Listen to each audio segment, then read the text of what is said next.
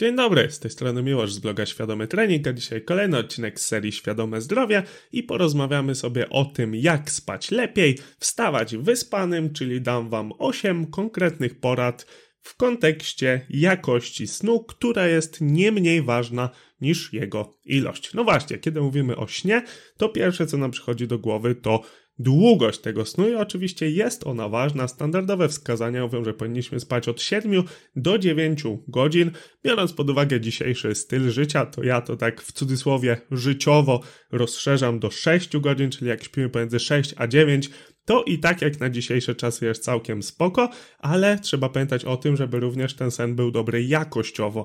No bo zawsze daję taki przykład, że kiedy po imprezie śpicie nawet 12 godzin, no to wydaje mi się, że wysypiacie się troszkę mniej niż gdy w normalne dni sypiamy po na przykład 6 godzin. No i właśnie, po, po takiej imprezie, po alkoholu jakość snu jest znacząco słabsza, dlatego nasz wypoczynek też nie jest taki, jak powinien być i to jest dobry przykład, wydaje mi się, żeby pokazać, że jakość snu naprawdę ma znaczenie. No i właśnie, dzisiaj dam Wam 8 konkretnych porad, jak poprawić swój sen.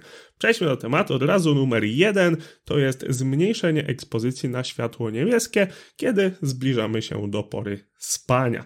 I tutaj w kontekście telefonów większość już jest wyposażonych w taki bloker światła niebieskiego. Często to się nazywa tryb wieczorny i wtedy kolory są takie właśnie bardziej pomarańczowe, jest mniej tego światła niebieskiego, a na komputerze można sobie pobrać taką darmową aplikację, która się nazywa f.lux i tam możemy ustawić na przykład, że od konkretnej godziny już nam ściemnia w kontekście światła niebieskiego ekrany. Fajnie działa, korzystam z obu i zdecydowanie biorąc pod uwagę, że niestety ciężko mi jest odstawić w ogóle elektronikę, co jest punktem drugim, od razu możemy sobie przejść do tego y, tuż przed snem, no to chociaż korzystam z tych filtrów światła niebieskiego. Punkt pierwszy, jeszcze raz przypomnę, było to zmniejszenie ekspozycji na światło niebieskie, a punkt drugi, uwaga, jest to zmniejszenie ekspozycji na światło.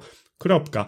Tutaj swoją drogą te dwa punkty można sobie połączyć taką klamrą i powiedzieć, że światło niebieskie maleje wprost proporcjonalnie z jasnością ekranu. Zatem jeżeli chcemy zmniejszyć ilość światła niebieskiego, to najprostszym sposobem, żeby to uczynić jest po prostu zmniejszenie jasności ekranu. Ale oczywiście samego naświetlania też powinniśmy unikać w godzinach wieczornych i jeżeli mamy taką możliwość, to powinniśmy właśnie wyłączyć elektronikę na parę godzin najlepiej przed snem. Najlepiej by było, gdybyśmy przed zaśnięciem sobie na przykład poczytali książkę w jakimś delikatnym oświetleniu, no ale wiadomo jak to jest, niestety żyjemy w czasach jakich żyjemy i na coś takiego naprawdę nieliczni mogą sobie pozwolić, żeby z takim komfortem właśnie wszystko to ładnie uporządkować. Jednak oczywiście nie musimy od razu zaniechiwać wszelkich działań w tym kontekście. Warto by było właśnie starać się zrobić sobie taki nawyk, że kiedy już siedzimy wieczorem, to wygaszamy możliwie mocno wszystkie ekrany lub staramy się właśnie tuż przed snem zrobić jakąś absencję od tych monitorów. Na pewno jakość snu nam za to podziękuje. Numer 3 paradoksalnie też wiąże się z jasnością i punkt trzeci to jest ciemność w sypialni. Naprawdę, jeżeli macie możliwość, to zróbcie tam taką ciemność, że wystawionej ręki przed sobą nie widzicie. Im ciemniej mamy w sypialni, tym naprawdę lepiej śpimy i kojarzę takie badanie, w którym naświetlano komuś tylko nogę, czyli kierowano strumień światła na nogę, a nie na twarz, nie na oczy i okazywało się, że nawet to zmniejszało jakość snu. Także im ciemniej w sypialni będziemy mieć, tym lepiej. Zaopiekujmy się tym, jakieś rolety, jakieś ciemne firany, żeby nie przepuszczały światła z zewnątrz i oczywiście e, wszelkie kwestie źródeł światła w tym pokoju, czyli nawet jakieś diodki, lampki malutkie. Fajnie by było, żeby z tego pokoju zniknęły. Numer cztery to nie pij zbyt dużo na sen. I chodzi tu o kwestię wybudzania. Tak słyszałem u kogoś, że jeżeli raz w nocy się wybudzamy, żeby wstać do toalety, to jest jeszcze spoko, ale jak robimy to więcej niż jeden raz, to już zdecydowanie zbyt dużo pijemy na sen. I w sumie mogę się z tym zgodzić, chociaż jeżeli nie wstajemy w ogóle, to też jest to jak najbardziej ok. Sen powinien być ciągły, nie powinniśmy się z niego wytrącać zbyt często, tak jak w tym wspomnianym przykładzie, czyimś no ale oczywiście to jest takie, takie wskazanie, więc dobra, nieważne, tak czy inaczej, e, jeden raz, jeżeli wstaniemy do toalety w nocy, to jest jeszcze ok, ale jeżeli zdarza się nam to częściej, no to pytanie, czy nie wypijamy zbyt dużo tuż przed snem. Zatem oczywiście nawodnienie jest ważne, ale starajmy się je odłożyć troszkę dalej od snu, czyli na przykład zanim pójdziemy spać, to wypić sobie, nie wiem, 100-200 ml wody, a nie na przykład pół litra. Numer 5 to kwestia kofeiny i powinniśmy jak najwcześniej zaprzestać jej spożywania. Tutaj bardzo często o tym mówię, ale podkreślę jeszcze raz w tym odcinku, że czas półtrwania kofeiny w standardowych warunkach to 5 godzin.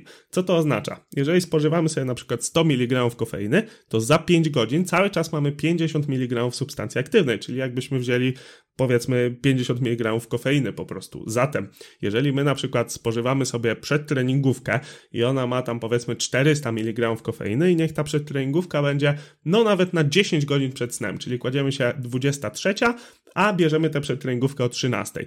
No to pomiędzy 13 a 23 upłyną tylko dwa okresy półtrwania, zatem najpierw z 400 przejdzie to na 200, potem z 200 na 100. Zatem jeżeli nawet o 13 godzinie weźmiemy sobie przedtreningówkę, to ona już nam znacząco na ten sen niestety wpływa.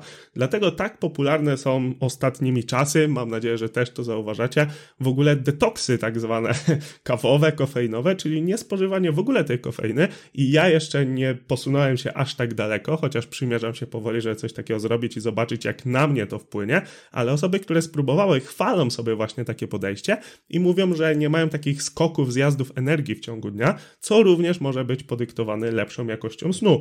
Także jeżeli macie ochotę, nie lubicie aż tak bardzo kawy jak ja, chociaż tutaj słyszałem, że kawy bezkofeinowe już nie są takie totalnie bezsmakowe jak na przykład piwo bezalkoholowe i całkiem dobrą kawkę można sobie bezkofeinową wypić.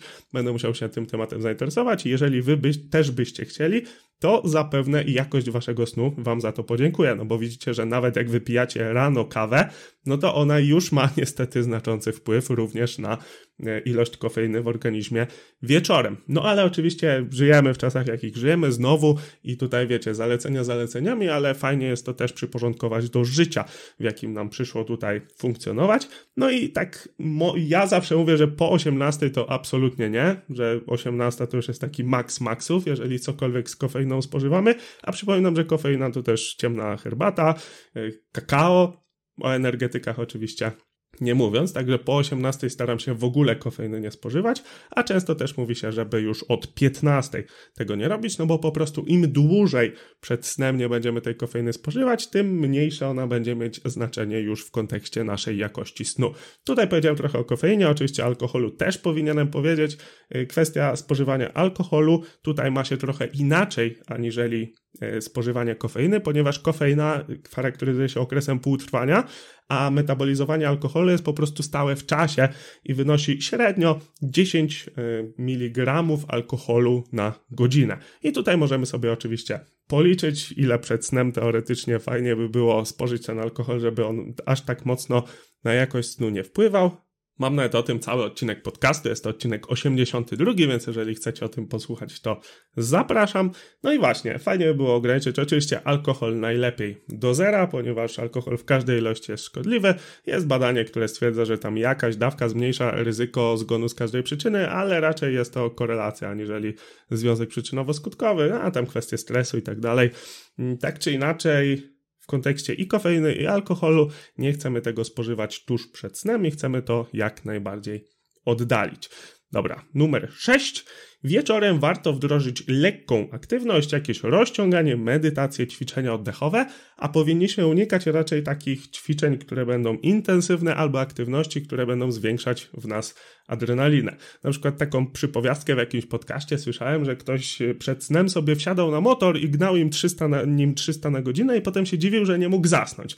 No to jest właśnie kwestia tej adrenaliny, sytuacji, którą organizm odbiera za niebezpieczną. No i w sumie jak my trenujemy siłowo i ten trening jest intensywny, czyli wykonujemy go na wysokich ciężarach, no to tutaj również kwestie hormonalne mają znaczenie i nawet jeżeli po takim treningu będziemy naprawdę wyczerpani i szybko zaśniemy, to jakość tego snu nie będzie tak dobra, jakby się nam mogło wydawać po właśnie czasie zaśnięcia. Tu też warto sobie jednoznacznie wspomnieć, że na przykład po alkoholu zasypiamy bardzo szybko, ale jakość tego snu, jak sobie już powiedzieliśmy, jest bardzo słaba, więc czas zaśnięcia nijak się ma do tego, jaka jest jakość tego snu. No i tutaj w kontekście aktywności właśnie lekka aktywność może nam pomóc poprawić jakość snu, ale z kolei wysokointensywna aktywność może nam dać efekt dokładnie odwrotny.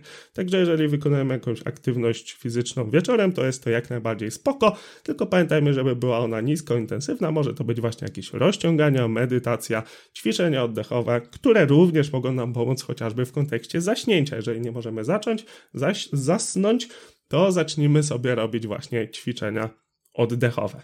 Polecam, fajnie się sprawdza.